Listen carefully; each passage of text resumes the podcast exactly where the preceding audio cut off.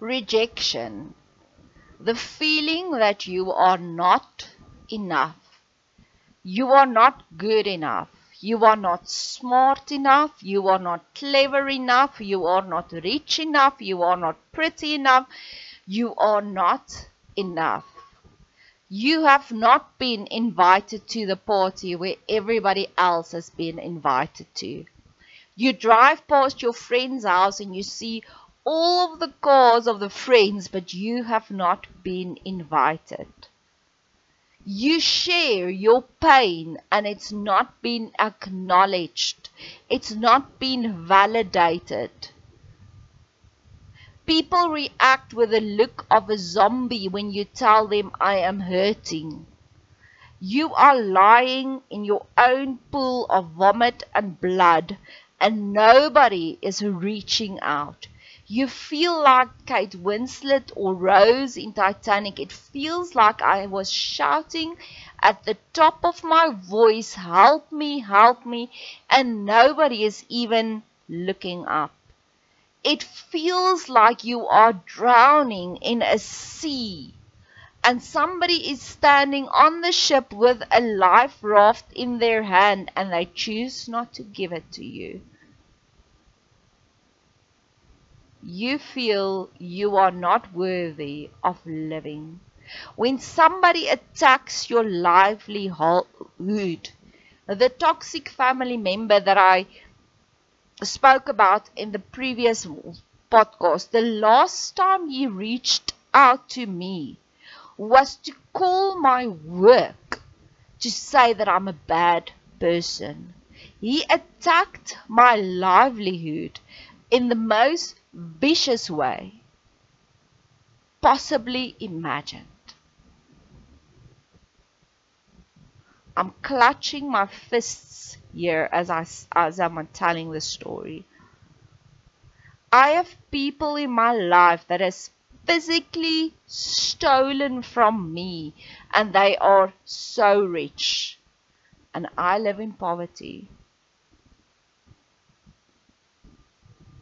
That is rejection at the most brutal way.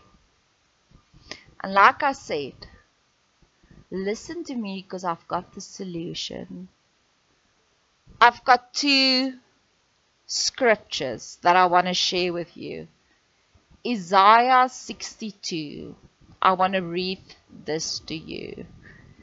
Isaiah 62, verse 4. You will never again be called the abandoned one, nor will your, your land be called deserted. So the abandoned one, the rejected one, the one that's lonely, the one that everybody has forgotten about, never again will that be your label. Your land will not be called deserted. With other words, your property will be overflowing, overflowing with abundance, with love, with life, with people who love you.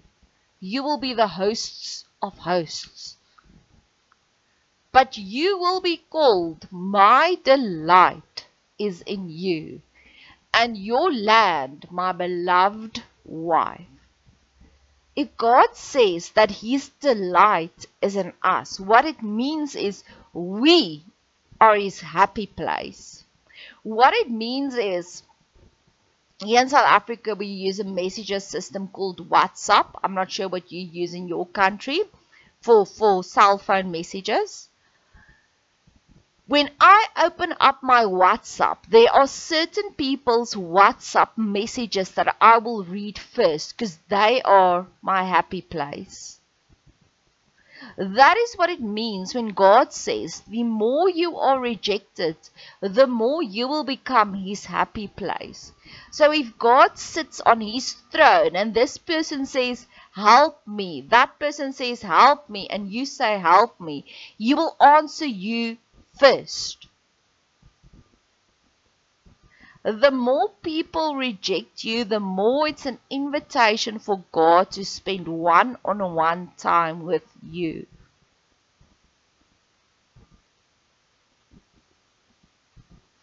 My delight is in you, says God. It feels to me as if God will be able to sing us an Elton John song. My gift is my song, and this one is for you.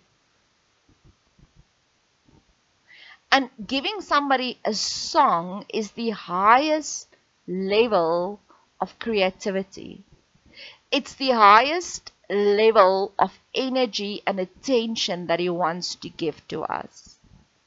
Here in South Africa, we've got a big problem with poverty and victim spirit. So there are car guards, people posing as people protecting your property while you go in and shopping.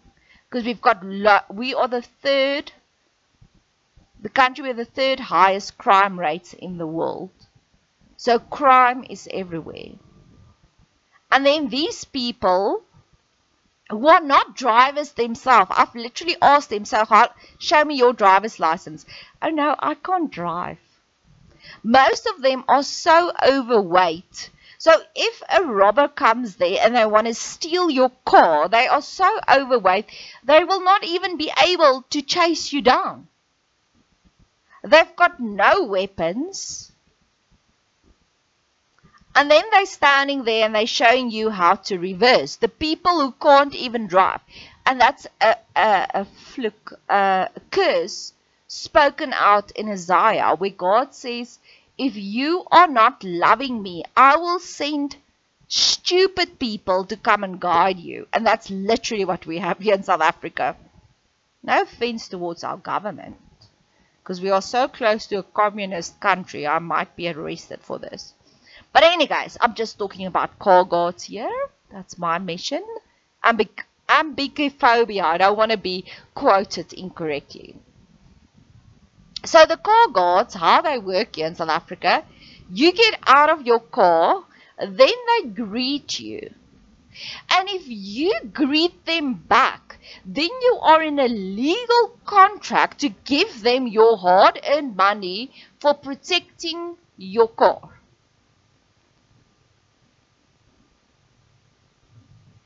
And that's the lowest level of energy that somebody can give out to you. Only when you greet them, then you're already in a relationship with them. Then you're already in a contract. Something that they cannot provide at all. They can't protect your car and they can't guide you in and out of a parking uh, parking spot because they can't even drive themselves. My favorite question is when somebody comes to me for counseling and they say, My car has been stolen, then I would say, Were there a car guard? Yes. Where was the car guard when your car was stolen? I don't know. When somebody tells me I've bumped my car or somebody drove into me at a parking spot, I would say, like, Where was the car guard? Oh, he was there when I got out. He greeted me, but when the accident happened, they were nowhere to be seen. A proven results that they are not working my one friend's husband is in politics and I said, if I pray him into being president, please for the first law that he makes is that pres- that car guards are illegal. And she laughed and she said, why don't you pray for me that I can become president? I'm like, way to go, sister. I'll pray for you both.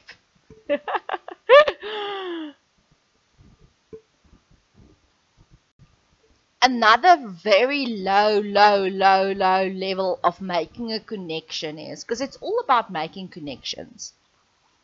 If you are lonely, you can't make any connections. You don't have anybody that will call you. You don't have anybody that cares about you.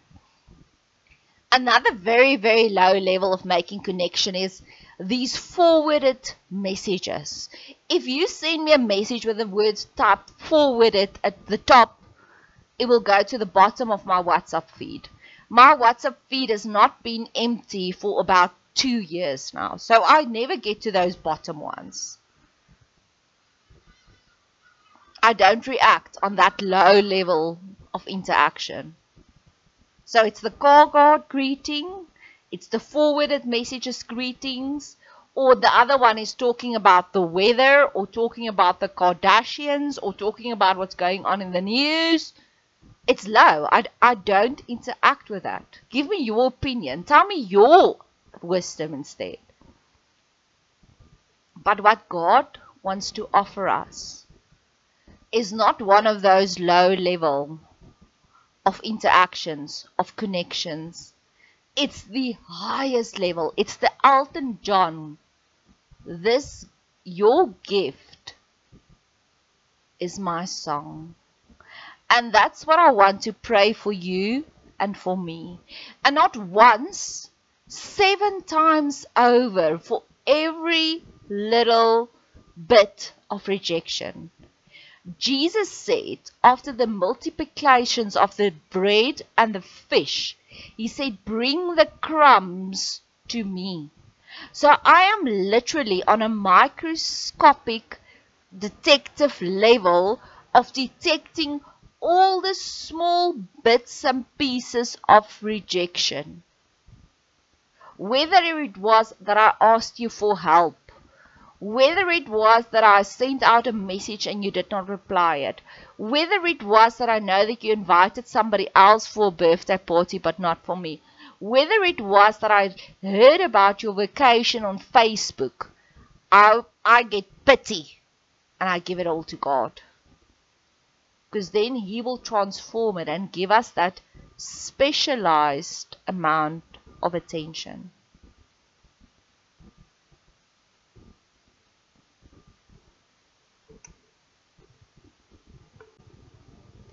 I have also heard, had numerously, that spiritual podcasts, spiritual TikToks, spiritual YouTube videos are being banned, blocked by algorithms. And I have seen and experienced it firsthand as well. And I know that the movie The Sound of Freedom was banned, blocked. There were so many obstacles because it was such profound truth.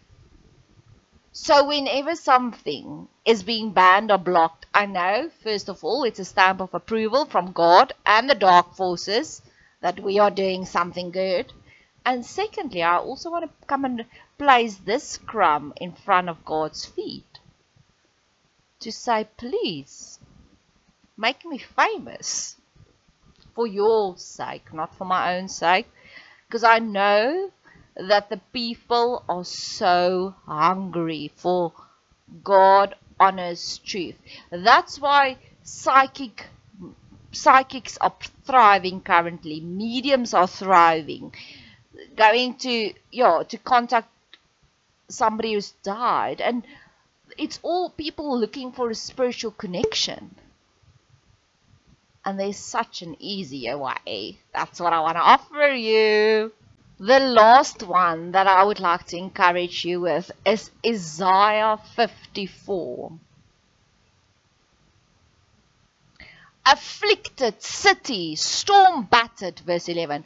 Unpitied, I am about to rebuild you with stones of turquoise.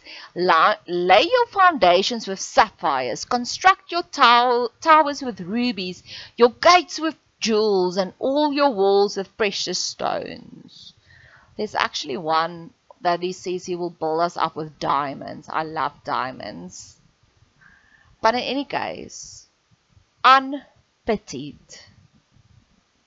Do you feel unpitied? Do you feel like you've got this massive AK massive machine gun wound and the people are asking you to nurse their paper cut wounds. Like your wounds, like your traumas does not matter. Give it to God. Because what He will do is He will upgrade your soul.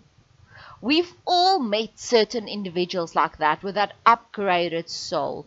They have said when you were in the presence of Mother Teresa, when you were in the presence of Nelson Mandela, you felt amazing. You felt it in their presence without them even saying a word. That is somebody whose soul has been upgraded. We can do it as well. May you experience that your soul has been upgraded. When somebody quotes me many, many years after I've said something, I know that I spoke with the words of authority. That is a soul that's been upgraded. When people seem to remember you, and you can't even remember that you've met them, it's you know that you made an impact on their soul. May we experience it daily. That's the gift of rejection. Oh, yes, there's another gift. Sometimes people fade away because God wants to upgrade our circle of influence. Iron sharpens iron. So, what? If you have been upgraded from iron to diamond, then the current iron won't be able to shape you anymore.